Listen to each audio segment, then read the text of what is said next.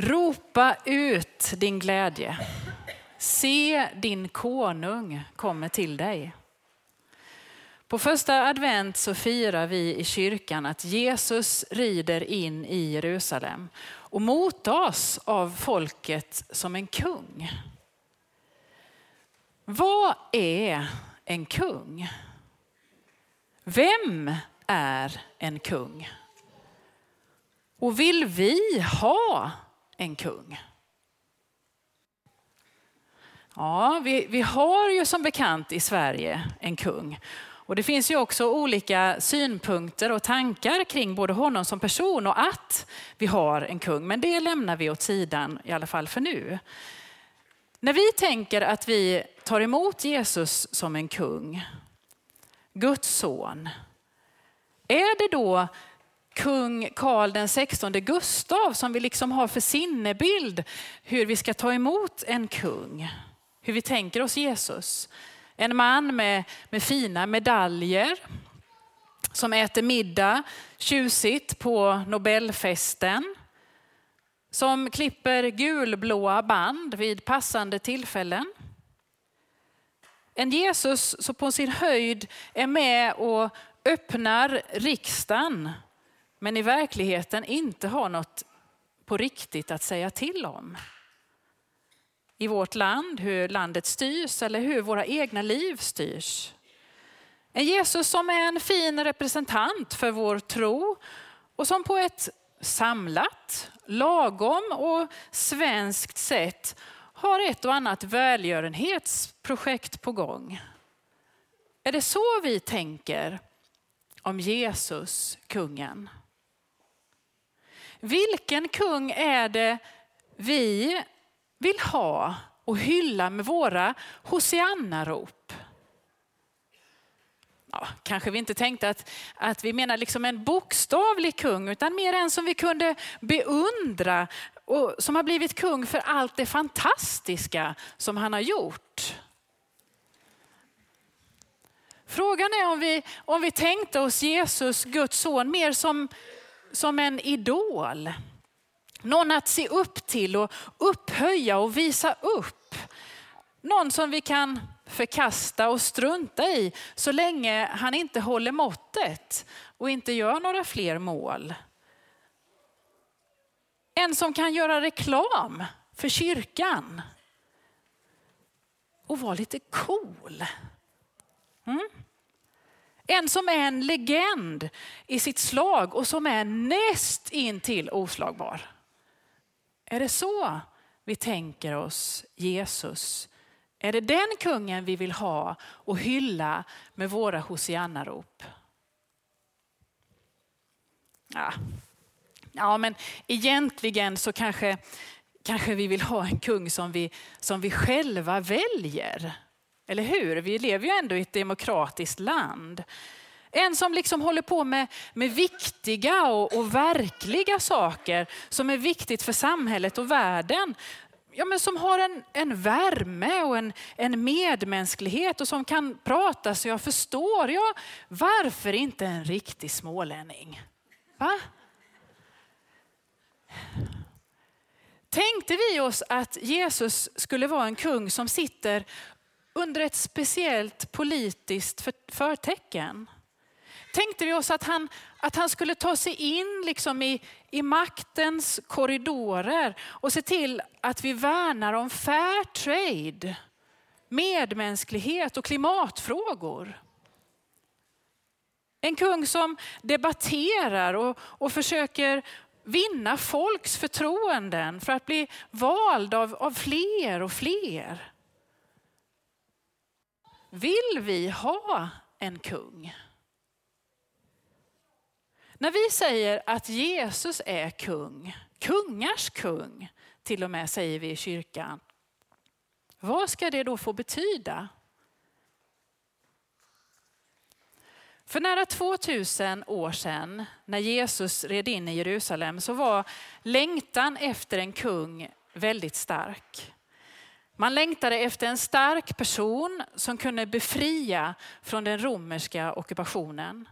Man längtade efter en kung som var helhjärtat för folket och som inte var korrumperad av begär efter makt eller rikedom. Man längtade efter någon som kunde ena folket och göra dem starka tillsammans. Och på många olika sätt så motsvarade Jesus den förväntan och längtan. Han var en enkel man, mitt bland folket och samtidigt så blev han bjuden på fest hos de fina. Han gjorde saker som man beundrade honom för. Han vågade säga emot etablissemanget. Folk lyssnade till honom. Han samlade tusentals anhängare vid flera tillfällen. Trots detta så blev inte Jesus kung. Och Det står också att när man vid ett tillfälle försökte ta honom med sig och göra honom till kung, då drog han sig undan. Även på den tiden skapade man sig bilder av en kung som inte stämde överens med det som Jesus hade i tanke. Så det finns hela tiden en risk att vi förväntar oss av Jesus att han ska vara eller bli något som han inte är. En risk att vi begränsar Guds son till att bara vara en, en galjonsfigur utan inflytande som då och då klipper gulblåa band. En idol som vi ibland hyllar därför att han en gång har gjort någonting bra. Eller en som säger någonting bra om medmänsklighet och integration som vi sen kan citera lite längre fram. Den risken finns. När Jesus några dagar efter alla Hosianna-ropen står inför Pilatus, den romerske ståthållaren, så frågar också Pilatus, du är alltså kung? Och Jesus tar frågan på allvar och han berättar om ett rike som inte är av denna världen och så säger han, du själv säger att jag är kung. Jag har fötts och kommit till världen för denna enda sak, att vittna för sanningen. Och just där kanske vi kan närma oss att börja ana vem Jesus är. Han är sann. Det är inte dubbla budskap, inga tvetydigheter eller motsägelser mellan det han gör, säger och menar. Han är äkta, sann Gud och sann människa i ett. Och när vi på första advent ställer oss bland dem som hyllar Jesus, ja då hyllar vi en person som värnar om det sanna utan rädsla för vad som sen kommer bli följden för det. Som i mötet med dig och mig genomskådar och utmanar också oss att vara sanna och att leva sant. Utan dolda agendor, själviska syften eller vinster. Utgivande och utan tanke på kostnader. Med våra Hosianna-rop så bejakar vi och bereder väg för den som älskar genom döden och som ber var och en av oss att följa i den kärleken om det så får kosta allt. Vi hurrar och bekräftar honom som säger att varje människa, var hon än kommer ifrån, vad hon än har gjort, så är hon efterlängtad av Gud och värd samma möjligheter att leva, äta, bo, gå i skolan, försörja sig. Samma möjligheter som du och jag. Att hylla Jesus som en kung är inte att bara sjunga en traditionell psalm på första advent. Och plötsligt så vet jag inte om jag vågar sjunga Hosianna.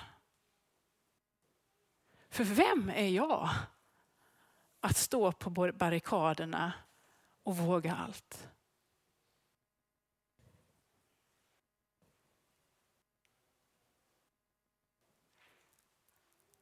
Kanske är det precis därför som vi ska ropa Hosianna. Hosianna som ju också har betydelsen Herre hjälp oss, rädda oss. Om vi inte någon gång tidigare har behövt Guds hjälp, så nog behöver vi Guds hjälp idag. För att stå upp för den hela och odelade sanningen. Jag kan inte själv. Men med Guds hjälp så kan mitt Hosianna-rop för världen få betyda sanning, rättvisa, fred och medmänsklighet. Och det behövs i en värld som är din och min idag. Den behövs i vårt vardagsliv, på våra arbeten, i våra skolor, i våra hem, i vår värld i stort. Jesus har kommit för att vittna om sanningen, för att vi i sanning ska kunna leva. Och den mest provocerade frågan för oss tog det då vara, är vi villiga att underkasta oss detta? Vi som tror att vi inte underkastar oss något alls. Vill jag ha en kung som faktiskt är mer än en vacker prydnad som klipper gulblåa band? En som är mer än en idol som jag kan glömma bort när han inte längre gör några mål. En som vill att vi ska tänka ytterligare några steg längre än fair trade och mänskliga rättigheter. Vill jag ha en sån kung? Vågar jag det? Nästa sång handlar om hoppet och längtan efter en sån kung. Kanske vågar jag stämma in i den längtan. Kanske jag vågar ropa mitt Hosianna hurra. Han har redan kommit. Eller så kanske mitt mod bara sträcker sig till Hosianna Jesus, hjälp oss. Förbarma dig över oss. Men må vi inte sluta ropa Hosianna. Amen.